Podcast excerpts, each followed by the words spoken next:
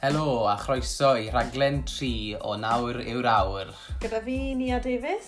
A fi Dai Cole. Be sydd wedi bod mlaen o ti hefyd edai?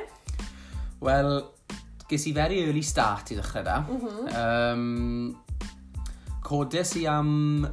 Wel, oedd athyr o'r o'n i'n bore di sadwn, ond athyr o'r arwm tua 5.30 dy fi, o mm -hmm. ti'n cysgu'n drwm. Ie. Nes i mas ar, ar Zwift a wnaethon ni grŵp braidd bach gyda cwpl o intervals. So es i ar y kicker, beic ar y kicker yn, yn y pink ef yn y shed. Dechrau am, am wech y gloch a nes i awr a hanner ar, ar Zwift. E.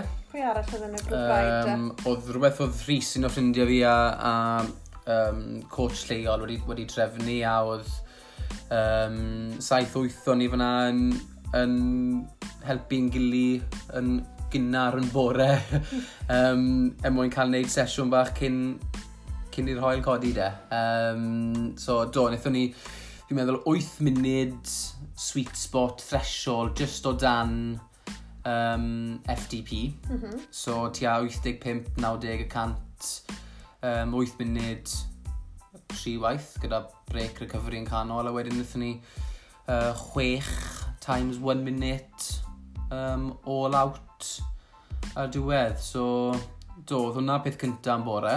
Good, good wysad peth cyntaf cyn dechrau. A wedyn, gan bod y hael mas heddi, um, a gan bod coesau David wedi blino bach, dath e gyda fi wedyn am beic arall. Llanwn ni fflasg lan y coffi, Athyn ni cwpl o cakes da ni, a athyn ni mas ar y beics, a rwt bert, ond rwt eitha galed, gadael ti ni lawr i gwbert. Cleimo lan mas o gwbert, lan i mwnt, trw fel i wynt, Aberporth, um, Tysaith. Ar y back roads nawr. Ar y back roads, ie. Yeah. Pen y Bryn, nes bod ni'n dod i Llangranog. A Llangranog, gath ni sit down bach, yn mas ar y môr, ni fed coffi, cyn, cyn neud y huge climb yn ôl mas o Llangrannog, ond oedd e'n good spot yna. Oedd e'n briliant, fe gweithio e'n berffeth, o wedys ti, oedd e... Mm. O'n i wedi cael good felly workout yn bore i, i blino'r coesau, wedi gwneud 30-35 billtir yn bore, wedyn er mwyn bildo lan fwy o, fwy o felltiro, a er mwyn i ti cael really good, mm. good ride mewn eithon ni, eithon ni dan gili. Um, so pan ma'n ni'n seiclo dan gili, mae'n basically yn recovery ride i dau a tempo ride i fi. Um, ond even though mae David still yn dropo fi ar y, ar y climbs i gyd, pan mae flats wedyn dwi'n gallu drafto da i, a ni mor ddiolchgar bod yna heddi, achos ar ôl dyn nhw'n mas o Llangranog, gath ni ar y main road nôl lawr i Aberteifi, a oedd just massive headwind all the way ond wyn i'n just wedi tyco mewn tu nôl dau. O'n i fel, o'n i fel domestic bach o, hwnna, tynnu tu nôl mewn i Aberteifi. O'n i ar treat bach.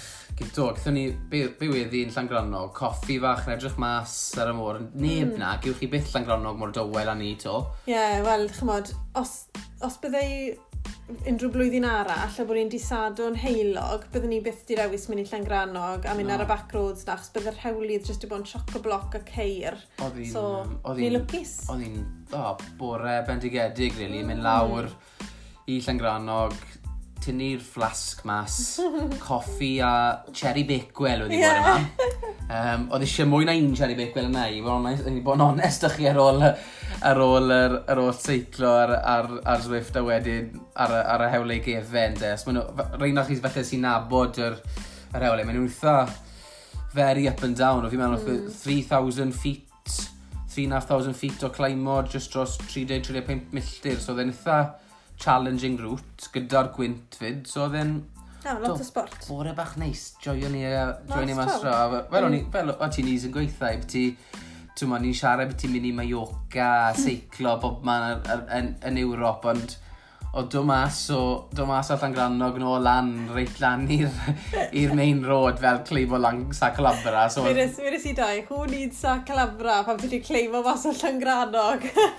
Yeah, so, na, aethon ni good sport. yna. Gathon ni nôl, gathon ni cynno, a wedyn aethon ni straight nôl lawr y trath, aethon ni lawr y popet i cerdded y ci. So, ni wedi gweld, wel, pob trath yn milltir sgwar ni heddi. Ni wedi digon actif bore yma. Ond, um, yn yr um, episod ma, na beth ni'n mynd i wneud, i, ni'n mynd i ateb cwbl o'ch cwestiynau chi. Diolch fawr iawn i chi gyd am hala nhw mewn. Ni wedi cael siocwmint, ni'n mynd i wneud... Ie, yeah, o'n i'n meddwl falle, achos oedd eisiau raglen unan um, ar, ar y cwestiynau ni gyd wedi cael. So, um... Felly ni clatio arni.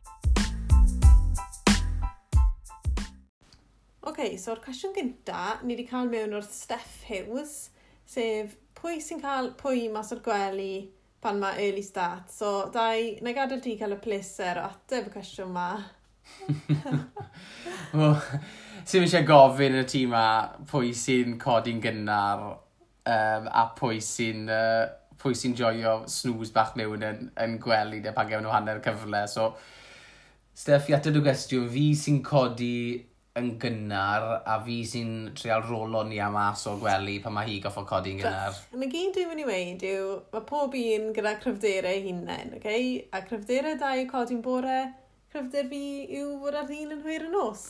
It's yeah. as easy as that. Yeah, so Steph, ti'n mynd i dechrau domestic ma cymryd i'n meddwl, ond na, fi'n joio...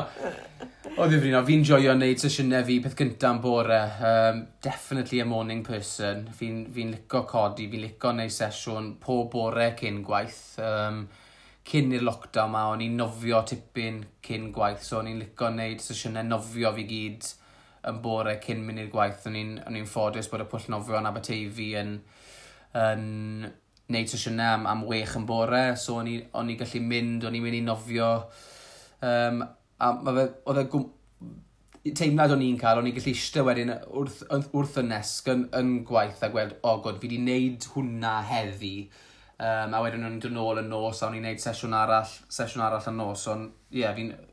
I fi yn y bore, os fi'n gwneud sesiwn yn y bore, Wedyn, a i fe fel recovery ride neu run easy rhaid fe fod, achos just sa'n na digon, sa'n digon alert i wneud hard session. Fi just ddim na beth yw strength fi, ond wedyn ar llaw arall, os oes eisiau un o'n ni treino'n hwyrach yn y nos, wedyn fi mwy na hapus i fod y person na. Ie, yeah, even, i fod yn deg i ti is, even fel, falle mae'r ddoi o'n i moyn ymarfer o nos wedyn, achos fi'n licio gwneud doi sesiwn yn dydd, a wedyn mm. ti moyn ofis i wneud sesiwn ti yn nos, so ti digon apus i gadw fi glatio mlaen a'i gynta, wedyn bod, bod ti'n neud y sesiwn yn nos ar ôl fi, achos sy'n os da ti treino 6-7 y gloch mm. y nos le, falle ti ar dore a fi ffili roi brawddeg dy gili efo'n amser ni. so, diolch i ti am y gwestiwn na, Steff. Um, gyda y cwestiwn nesaf de, ni wedi cael wrth, wrth Wayne Price, a mae fe wedi gofyn, Siwt allai nofio can medr heb boddi? I mean, sy'n un o'n i yn gallu dysgu neb sydd ti'n nofio. Sy'n un o'n i yn expert swimmers i ni. Yr ddoi ni wedi gwella na, so ni, sim, o'n i ddim wedi dod o cefndir, um, cefndir nofio. Um, a'r ddoi ni wedi gweithio'n galed ar ein nofio, wedi gweld lot o, o gwellad dros, mm. dros y blynydde. Um, i fi dewein, fel roi bach o siampl ydy pan nes i Ironman cynta, um, nôl yn 2013, des Davis i straight mewn, nes i, nes i Ironman Cymru yn 2013, pel drwy dyn nhw ni, o'n i heb nofio, um, o'n i ddim yn nofio'r cryf ta beth, a o'n i heb nofio ers, o'n i'n crwtyn yn ysgol, da. So, nofies i fi'n meddwl ai mae'n Cymru fyna awr a 24 minutes. So oedd hwnna'n tipyn amser yn, yn y môr. Mm. A fe strygles i dau, ti'n modd? Ond erbyn nawr fi'n mynd rownd ai mae'n Cymru yn awr a 6 munud. Um, a nes ti Cozumel? A nes i Cozumel distance yn awr a 2 funud. Hmm. So mae tipyn o gwellhad wedi bod yna.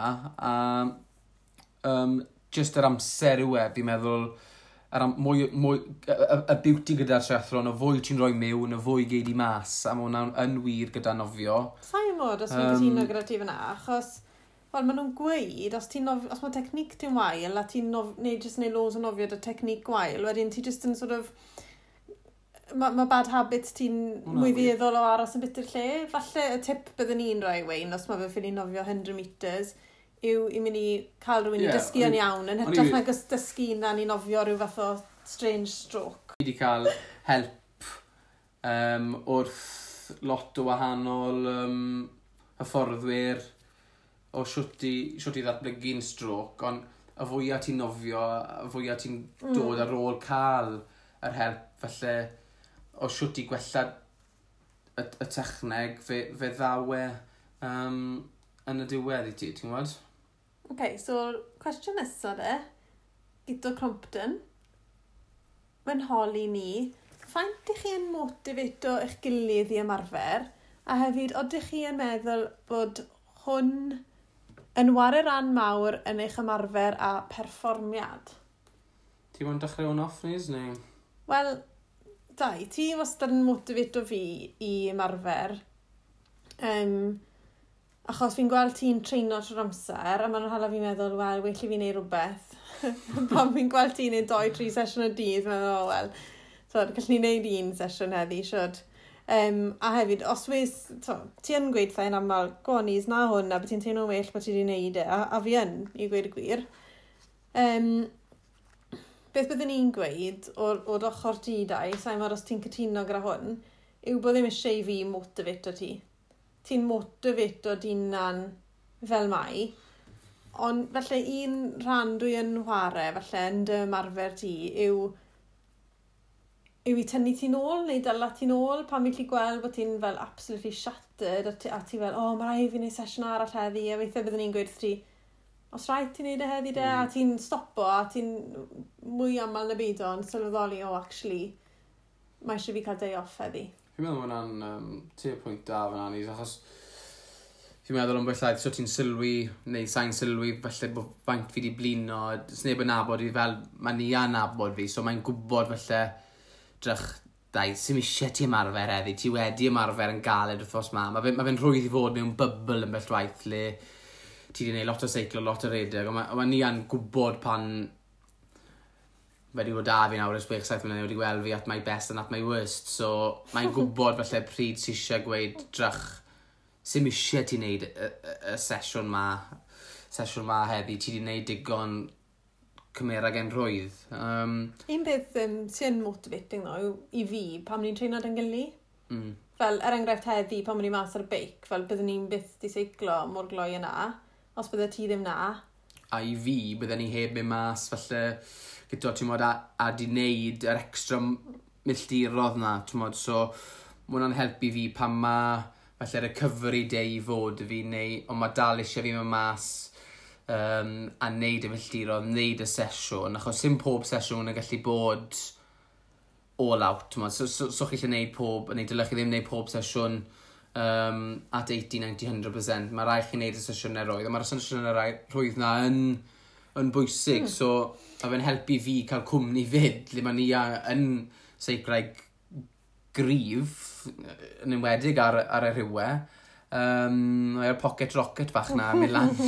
Milan. So, oedd heddi yn esiampl briliant le oedd e o benefit i'r ddoi o ni, benefit i fi i fod yn y mas am dwy awr a hanner yn y hoel yn gwneud nice easy recovery ride a benefit i ni a le gath i real good...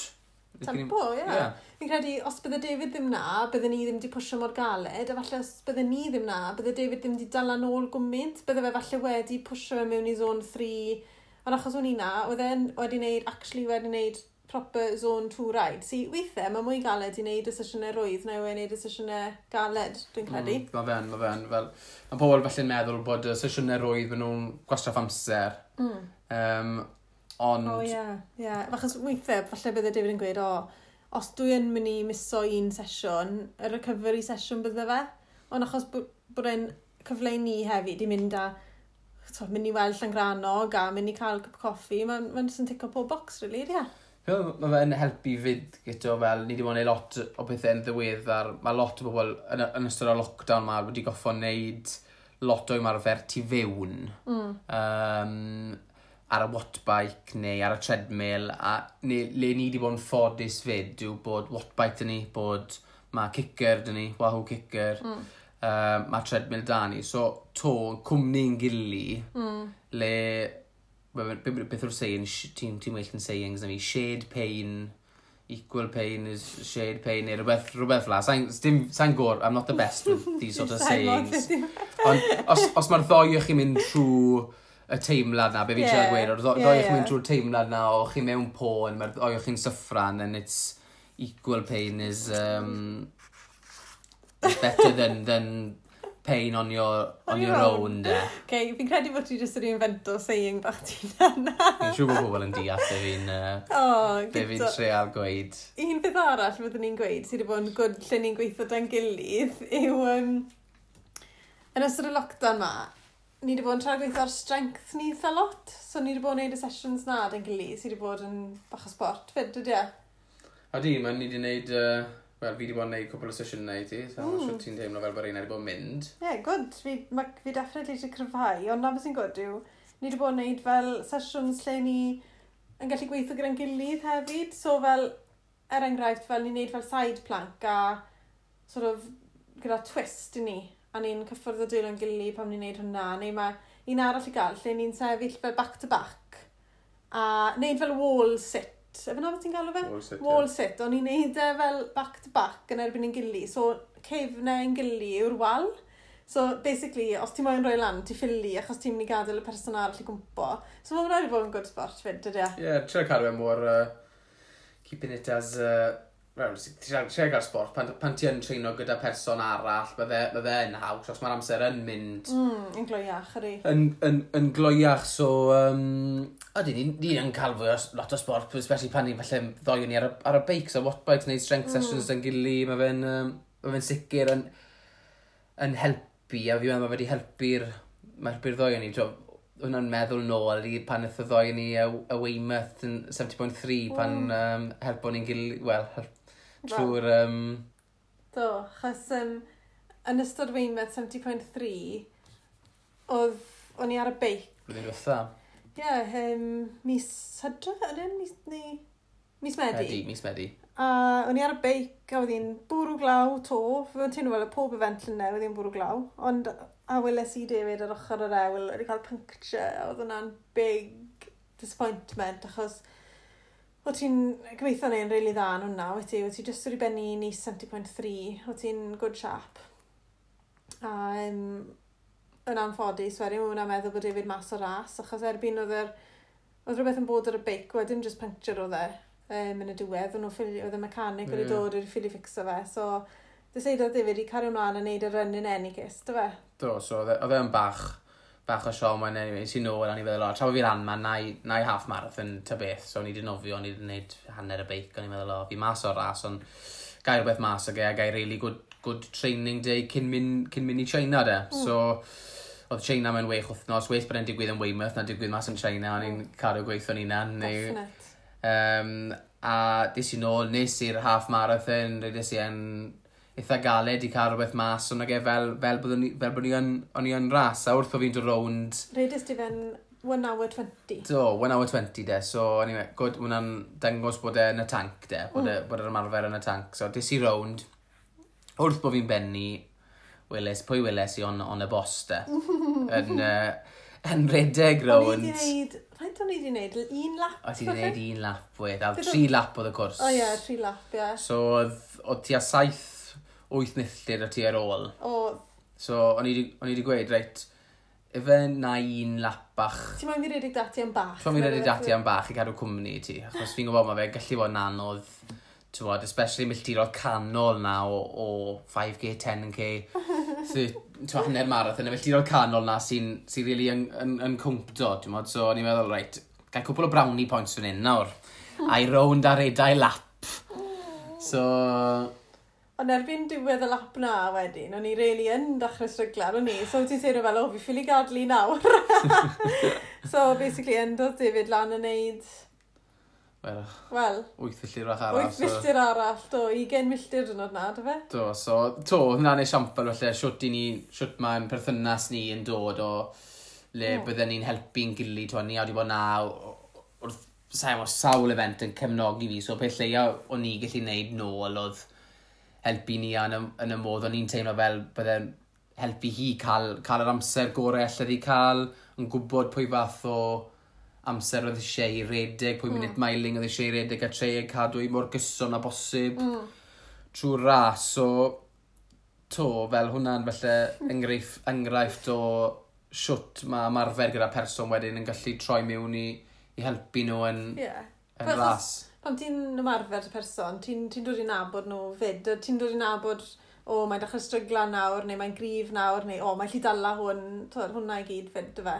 Ond fi'n credu, so I can't return the favour. Os no. bydde ti'n mewn event, sa'n gallu redeg dati, sa'n gallu seiclo dati, wel, sa'i, technically, sa'i fod anyway, ond um, fi'n credu un beth sy'n gwrdd yw, achos bod fi yn deall wrestling a deall beth sy'n mynd mlaen, fi wastad yn gallu rhoi gwyd, gwyd gwybodaeth i ti pan mae ti mewn event. Fi'n gallu gweud wrth ti pwy position wyt ti, fi'n gallu gweud wrth ti pa mor bell mae person o blaen ti, pa mor bell mae person tu nôl ti. Mm. Um, yeah, a fi'n yeah, fi neud na. Fi'n cofio pan o'n i'n China, fi'n credu fydd y pobl pobl Chinese, Chinese yn meddwl bod fi off y men, achos o'n i eisiau'n gweiddi top yn lais at David yn seiclo heibo, ond oedd David yn neud beth i 30 mile an hour, a o'n i'n basically'n siarad jwmpo mas i'r ewl y flanau e, yn gweud fel, Ti'n ffith! Soffrin! Ond ie, ni'n gwrdd tîm, fi'n credu. Fi'n meddwl mae fe'n... Um, mae certainly yn um, cael effaith positif ar, ar y ddoi o'n ni, bod mm. ddoi o'n ni'n bod ni'n gallu helpu'n gael ei ymarfer, motivatio ni am ei mas, yn ei sesiwn, helpu fi, dala fi nôl, cadw cwmni fi pan mae eisiau.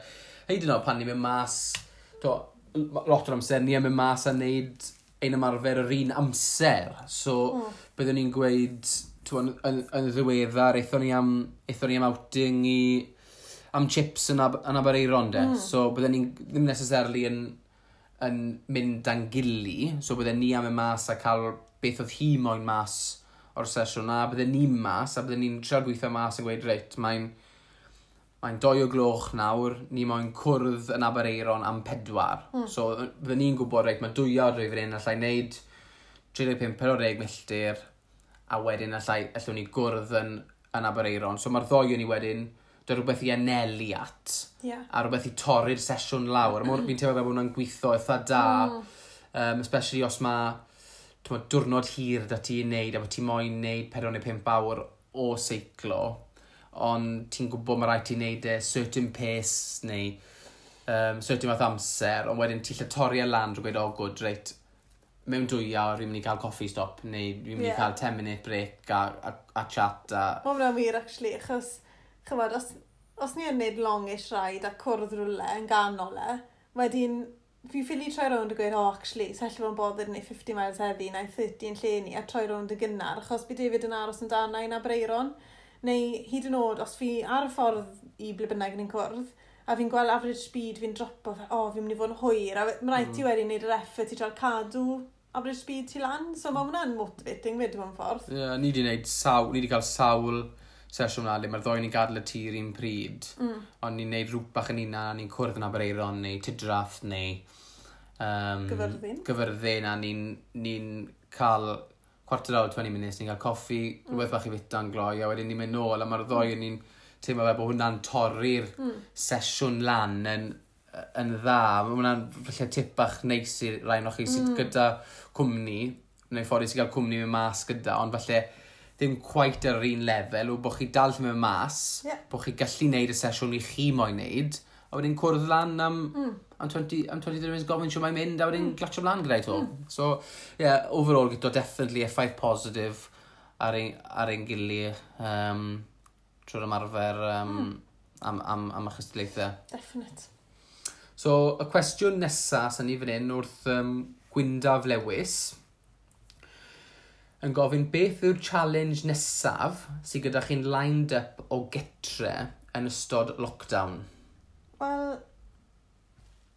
i ddechrau da, falle dylen ni gweud llongwyrchiadau gwyndaf ar y challenge nath ei mm. yn hmm. ystod lockdown. Yeah. Nath ei rhedeg marathon, dwi'n credu. Do, Do. Sori Gwyndaf, os Fi'n meddwl, wrong. rhywbeth yn gweithio, fi'n meddwl, efe 50k yr ti Gwyndaf. Fi'n meddwl 50 km nôl y dechrau lockdown. Sim hwnna'n bwysig, sim yr distance yn bwysig, ond codes di 37,000 37,000 pounds er cof am dy fam di, nath yn anffodus colli bywyd i'r coronavirus a oedd hwnna'n arbennig. So, llongorchiadau mawr i ti ar y challenge na. Yeah, llongorchiadau mawr gwna, oedd yn peth, peth anygol nes ti fyna, so... Uh... A mae hwnna'n un peth ni wedi bod yn trial wneud fyd yn ystod y lockdown, yw roi challenges bach yn hunain. Chymod, wyn i fod yn treino am Mallorca, gath hwnna i canslo. So, oedd y rhedeg yn mynd yn dda dyn ni, oedd e? So, i dechrau da, y challenge gyntaf nath o'n ni, nath o ddoi o ni, dyseido, i redeg hanner marathon ar y treadmill, ynddo fe? Do. Yn yr, so, codes di gynta, nes di hanner yeah, marathon. Fe, nôl y pwynt i Steff, codes i'n gynnar, er a mae'n cael ei, er mae'n cael rhaid shift mewn cyn mwyn i an uh, camu mas o'r gwely. Oh, a wedyn, o, oh, fi'n siŵr o'n i mas o'r gwely. Ond, um, wedyn nes i hanner marathon, ac efo fwy o'n i PB, dy fe? Do, beth, so... Beth oedd amser ti? Nes i 1.15 ar, y, ar y treadmill. Um, do. So, o'n i'n delighted yna. Um, Fes i, o ddoi ni'n treino oedd y galed, ond wedyn pan gethon ni'r newyddion am y lockdown, ni'n dal mwyn defnyddio'r holl ymarfer i treol cael rhywbeth bach mas yna fe. So, ni wedi tepro amdano, goedd fel, yeah, fel event. O'n i ddim rili'n gwybod sut bydde'r lockdown yn mynd, a o'n i ddim moyn colli'r ffitrwydd oedd gyd gyda ni at that point. So, wedd ddoi ni moyn gweud, right, come on, fi'n credu gallai cael half marathon PB, sim half marathon sy'n cael newn ni'n un unen. A ges i PB fed, redes i 145 Do. ar y treadmill. Oedd e ddim mor wael o beth chi'n meddwl redig ar y treadmill, gwir gwir. Music o dan ni, fe fi'n credu. Unwaith chi'n ei zon, a ddoen ni yn helpu'n gilydd, felly fyna gyda, gyda dŵr a gyda gels. A, a, nithon ni e fel event, dy fe? No. Nithon ni plano gen iawn, nithon ni roed cwpl o rest days i'n mm. un hunan cyn mynd mas i neud e. Oedd y gels dyn ni fel byddwn ni'n cymeryd mewn ras, yn cymeryd pob 3 neu 4 milltir. Oh um, oedd dŵr dyn ni, oedd music dyn ni, so...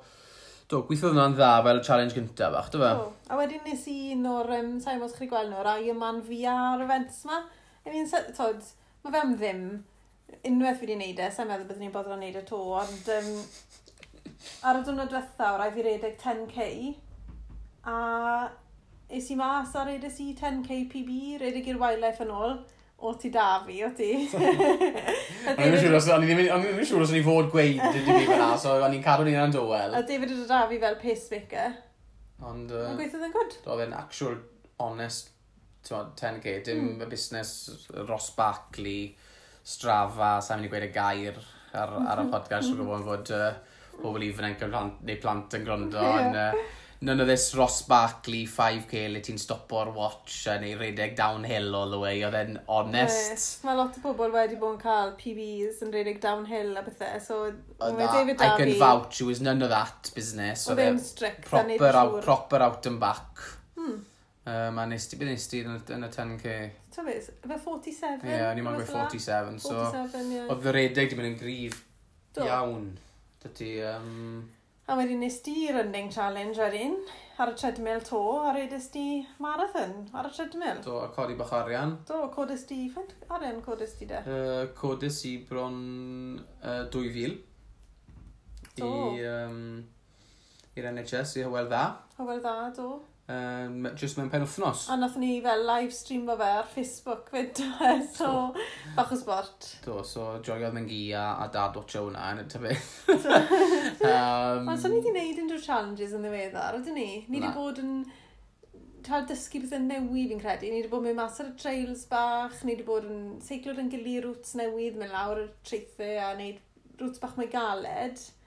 Um, ni wedi bod yn redeg mwy o'r trails yn sicr, Lenny. Ni, ar ddoi ni wedi joio na mas mm. draw. A wedyn, darlluno ni llyfr Lowry. Do, so, game changer. Game changer. Mae challenge na wedi cael ei seto nawr. So, o'n i wedi bod yn siarad â ni a beth i reit fi, ar ôl darllen llyfr lowri, o'n i really wedi cael ei ysbrydoli i wneud rhywbeth falle byddwn ni ddim no way yn neud os byddwn ni'n treino nawr am Ironman neu 70.3 neu yn ganol triathlon season, sy'n gobeith dy fi yma mas i ddweud unrhyw fath o challenge, neu unrhyw fath o her wahanol, oh. achos mae'n dreino i mor specific, mae fe pop, popeth on power, popeth on heart rate, mm. time, ond nawr, o'n dallan llyfr yn y gwed, reit, ni, fi'n really ffansio challenge bach gwahanol, so Fi siarad â Rhys fyd. Na mae Rhys up for, any, up for a challenge. Unrhyw challenge bydde fe up for it. So, ar pryd ni'n mynd i wneud e. Ar... Wel, bryd ni aros i weld pryd fydd yr um, path yr arfordir yn agor to. Ie. Yeah. So, ni jyst yn aros i weld hwnna gynta i ni. Ond beth sydd da ni in mind mm. yw bod ni'n mynd i dechrau yn um, Crymych. Dau nawr, sa'i wneud hwn bod fi a Rhys, mae fi wedi drago Rhys mewn i ge, bod ni'n mynd i dechrau'n crymych, bod ni'n mynd dros y Preselis, a wedyn dod lawr i Tidrath, Newport, rhedeg nawr. So dros y Preselis, rhedeg cyrraedd Tidrath, a wedyn mynd o Tidrath ar hyd y Coastal Path all the way i Popit. So, mm -hmm. bydd e tua, fi'n meddwl, 26-27 milltir. Mm.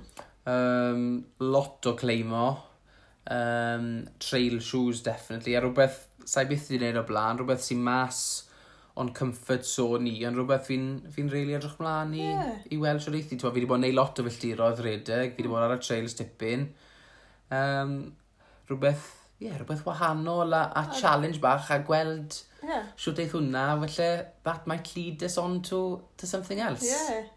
Dwi a Brian ni, sef Wedgen Rhys Werin, ni wedi dyseido bod ni yn mynd i redeg o tydrath nôl i Aberteifi sy'n hanner marathon ar hyd yr llwybr yr arfordir. So, ie, yeah, dych mlaen i hwnna. Ie, yeah, so hwnna'r challenge gyntaf, Gwynaf, sydd da ni, da ni in mind, Mae, ond... Yeah. Uh, Os falle... unrhyw suggestions y ti, Gwynaf? Os unrhyw challenges y ti, mewn meddwl? Ie, yeah, fi'n siŵr. Fi'n meddwl ma, ma, falle bod Lowry wedi ysbrydoli nifer mm. o'n gwrandawyr i wneud rhywbeth bach wahanol. So dwlen ni glywed ar unrhyw challenges a unrhyw honno chi in mind dros mm. y misiodd nesaf, neu unrhyw challenges i chi wedi chi wedi wneud dros, dros y misiodd sydd wedi bod yn lockdown. Mm. Bo, Maen nhw yn diddori fi. Felly roedd nhw syniadau bach wahanol i ni i wneud. A ie, yeah, dwlen ni glywed ar unrhyw beth sa un in mind, seiclo, rhedeg.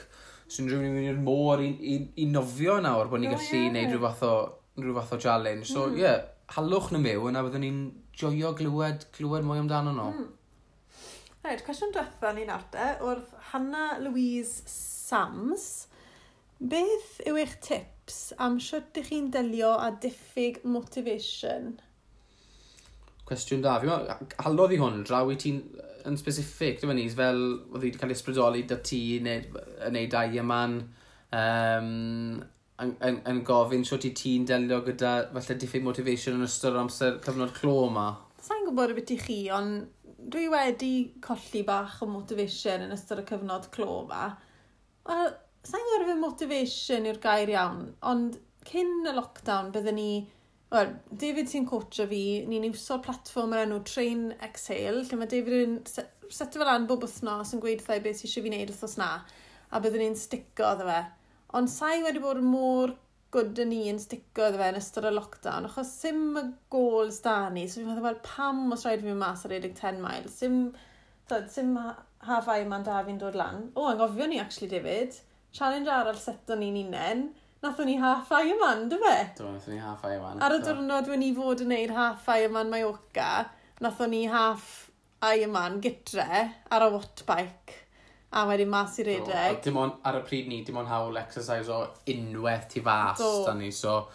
Nathon ni fel swim band sesiwn. Swim codes am hanner awr, oedd yna eitha... Wel, tough going, ie. Yeah. diflas, fyd. We, diflas. A wedyn, uh, milltirodd ar y wattbike. 56 milltir ar y wattbike. A wedyn mas i wneud hanner um, marathon mas ar y rewl. Do, so, oedd hwnna'n challenge arall. Nethon ni ar, ar y diwrnod mae oca 70.3, so nethon ni fel gytre. Y broblem wedi fi wedd o'r funud dechreuodd y lockdown, stopes i treino am 70.3, a wedyn wedi still wedi wneud 70.3. So oedd y run yn horrible, ond um, na, mae hwnna'n, sorry, mae hwnna'n challenge Do. arall. Um, ond ie, yeah, achos, achos bod fi wedi bod yn, wel, dim coll, colli motivation, as such, ond mae treino fi wedi newid mm. yn y ffaith bod fi jyst yn gweud, wel, beth sy'n wanton wyt ti'n neud heddi dyn ni a, a wedyn fi'n mynd mas i neud e, yn hytrach na fod fel, o, oh, mae rhaid i fi wneud hwn, mae rhaid i fi wneud hwn, mae rhaid i fi wneud hwn. So, mae treino fi wedi newid, ond os chi wedi colli motivation, byddwn ni yn gweud, gofynnwch chi hunan, right, pam dwi'n moyn wneud trethlon? fe achos bod chi'n joio treino, achos os chi'n joio treino, wedyn, just dyle, dyle fe dod yn rhywbeth i chi moyn neud wedyn, yn hytrach na rhywbeth i chi'n fforso chi'n an i wneud. Dros meddyliwch, wel, lycan ni mynd i weld y môr heddi, pam na, pam na seiclau draw i weld e? Fi'n meddwl bod hwnna'n, ti'n neud pwynt da bod ti fel, ta'n meddwl ti yw'r unig person sydd wedi colli bach o motivation, achos sim gol specific wedi bod dati mm. o ran chysadlaethau. Mm. A mae cwpl o athletau eraill da fi, fi nabod a fi, fi'n afforddi. Fi yn yr un cwch de, maen nhw'n siom de, maen nhw'n disappointed bod events nhw wedi cael eu canslo a ar ôl gei a galed o treino, maen nhw'n teimlo fel, oh, pan, to, fi, prif i fi o'r ras o nesa, lle ddim cadw treino nes bod fi'n gwybod mm. prif ma'r ras nesa. Ond on, on, on fi'n teimlo fel mae hwn yn cyfle, be fi wedi gweld wrth y tini, i gweithio ar gwendidau. Mm. Um, So os ych chi yn delio felly gyda diffyg motivation, fel i fi wedi gweithio ni, mae, mae hi wedi bod yn gweithio lot ar ei chryfder. Mm. So falle ddim wedi cael cwpl o anefiadau yn y gorffennol, bod y cor falle ddim cweit na, achos yeah. bod ti'n hwyr yn dy mewn i ge. Y mewn i trethlon, ie. Yeah. yeah. Um, so, ti'n cael anaf yn y gorffennol, a ti'n ti ti'n gwella'r anaf, ond wedyn ti'n dechrau redeg to straight away, achos mae rhyw event arall dati, mae hwn yn perfect cyfle nawr i gwella hwnna'n iawn, ond dim jyst gwella'r anaf, o'n i, on i cryfhau. Fi'n meddwl, um, hwnna'n, um, so, falle mae hwnna'n rhywbeth i chi falle yn bersonol i edrych ar yn gweud, wel, fi'n redwr gwan, neu mm. um, sa'n cael, sa'n digon grif ar y beic, neu fel da ni fi'n fi wan yn y coesau neu mae uh, y cor ddim digon grif di. So mae hwn yn felly'n cyfle i chi edrych ar eich hunan yn gwe, yn gweud mm. a gweud drach, hwn yw'r aspect o'r tri allai, allai reili specifically gwella. A wswch hwnna fel rhyw fath o motivation i gweud, reit, hwn, mae hwn yn real cyfle i fi nawr, treial gwella ar uh, mm y ram ma. Twa, fi wedi, fi wedi rhedeg lot fwy na beth fi byth wedi rhedeg um, yn ystod yr, am, yr amser ma. A fi wedi cael amser i wneud bach mwy o cor a strength. Mm. Sydd wneud siŵr bod fi ddim wedi bod yn pigol am dim, dim anafiadau. So, Touchwood. Ie, yeah, touch wood. So mae fe'n, fi'n teimlo fel, fe dewn i rown i raso. Cedwch gweithio'ch hunan tymod, fe fydd rasis to, a pan mae rasis yn dod rownd, bod chi'n bo chi barod i fynd e. Un peth o'n i jyst moyn gweud cyn fyny ateb y cwestiwn yma yw peidiwch rhoi gormod o pwysau ar eich mm. hunan chwaith achos tod, os chi'n edrych ar social media mae pobl fel sy'n bod nhw'n treino round the clock ond rhaid chi cofio mae pob un mewn sefyllfa gwahanol falle bod nhw'n furloughed mm. a mae digon amser da nhw sa'n furloughed dwi still yn gweithio llawn amser a chybod, beth ddeffach chi moyn wneud yw bennu chi'n an off yn ystod y cyfnod yma fel wel, dyw risg falle ddim cymaint yn weddi ar dechrau'r lockdown, ond peth diwetha chi moyn yw bod chi wedi blino sio gwmynt, a wedyn bod chi'n dala rhywbeth, a, fod, a mynd yn sal. So chi moyn wneud na. A hefyd, fi yn bersonol, fi wedi trin hwn fel fach off-season, achos gwedwch chi nawr bod, bod chi'n treino mwy na chi byth wedi treino yn ystod y lockdown, a wedyn mae event yn dod, a chi ffili motivatio'ch hunan i, i, i fforddi mae'r event na, chi mor nacyd ar ôl beth nathoch chi yn y lockdown. Wel, mae hwnna'n pointless.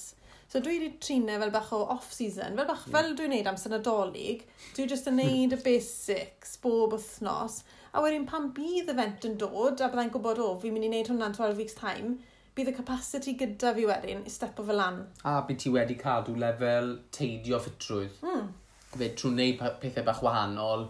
Yeah Um, a joio. A, a, a joio, joio dy ymarfer, tymod, a, a cadw lefel o ffitrwydd, le ti wedyn yn gweud, oce, okay, fi'n mynd i wneud hwnna mae 12 weeks, mae good lefel ffitrwydd da fi, um, a llai nawr step o lan i wneud e, so hwnna'n mm. hwnna pwyntig. A, a to, os, sy'n rhaid i bod popeth y biti i'r event, mm. so pam fel ni'n siarad byti, fel, fel mae Gwynda wedi codi, setwch challenges bach, mm i'ch hunan fel yn gweud reit, rochen, rochen y dair i'n gweud reit yn awst. A pennwch e mewn yn y diary a gweud hwn y weekend a fi'n mynd i seto ni an targed o redeg 10k neu fi'n mynd i mm. neud half marathon neu fi'n mynd i seiclo can milltir. Yeah. Neu beth bynnag yw e, set drwch e yn y diary fel taw event yw e. A rowch amser, twch gwedwch wrth chi'n am, o'n yn dechrau nawr gloch yeah. fel actual ras. A rowch tip y deis eich hunain y popeth, yfe? So mae hwnna'n ffordd bach eitha neis i mynd rownd o, o wneud hefyd. Beth wyt ti'n meddwl o beth i Zwift races, de, David? Um, fi neud, fi yn neud nhw. Ti'n gwybod fi'n neud mm. cwpl o nhw. Fi'n teimlo, um, mae pobl yn gallu mynd mewn yn ei gormod ohonyn nhw. Mm. Um, a wastad moyn ras o ar Zwift, le Wyt ti'n teimlo fel bod Zwift Race yn rhoi'r un race feeling i ti a neud so fe, ras? So fe i fi'n bersonol. So fe i fi'n bersonol. Na, mae rhaid bod um, ti. So fe, achos ti'n lle neud nhw unrhyw bryd ti moyn. Mm. So fe fel, dim byd newi. Fi'n meddwl, na. fyd ti'n gwybod bod pobl yn jeto yna fe. Ie. Yeah.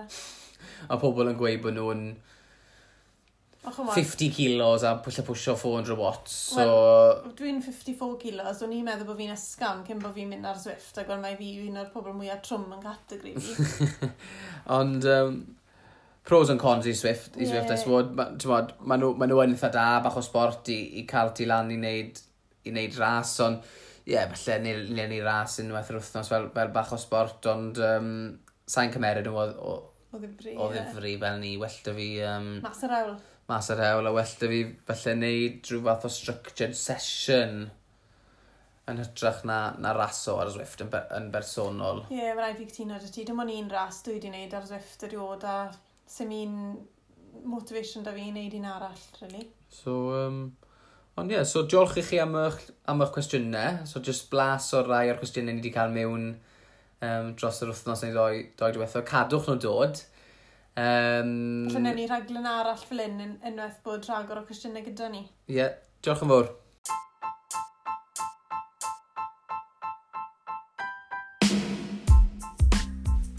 Diolch yn fawr iawn i pob un sydd wedi hala cwestiwn mewn. Cadwch hala nhw mewn, achos falle newn ni episod arall fel un lle ni'n ateb eich cwestiynau chi. Ni wedi ffeindio fe'n rili really diddorol, actually, cael cyfle i cael sgwrs a meddwl y beth i'r gwahanol pethau chi wedi codi. Ie, yeah, so y uh, gwestai nesaf sydd dan i ni ar, uh, ar y rhaglen yw Noelwyn Daniel. Um, Mi'n siŵr bod lot o chi'n nabod Noelwyn fel trefnwr um, nifer o, o gystadlaethau lleol um, fel rhan o healthy life activities.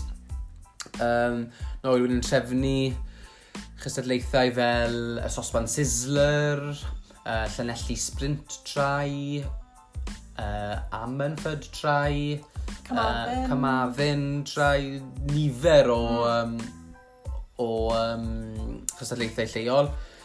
Mae fe'n... Um, Fydd e'n dyn diddorol iawn i cael ar, ar y sioe fi'n fi, siŵr ni. Um, mm, yn enwedig... Ie, yn enwedig... Yn ystod yr um, amser ma, yn ystod yr uh, lockdown ma, mae'r pobl ma sy'n trefnu events, so nhw'n gwybod beth sy'n mynd i ddigwydd nesaf, so nhw'n gwybod pryd bydd yr events ma yn gallu dod nôl, so ni'n edrych mlaen i, i siarad gyda fe.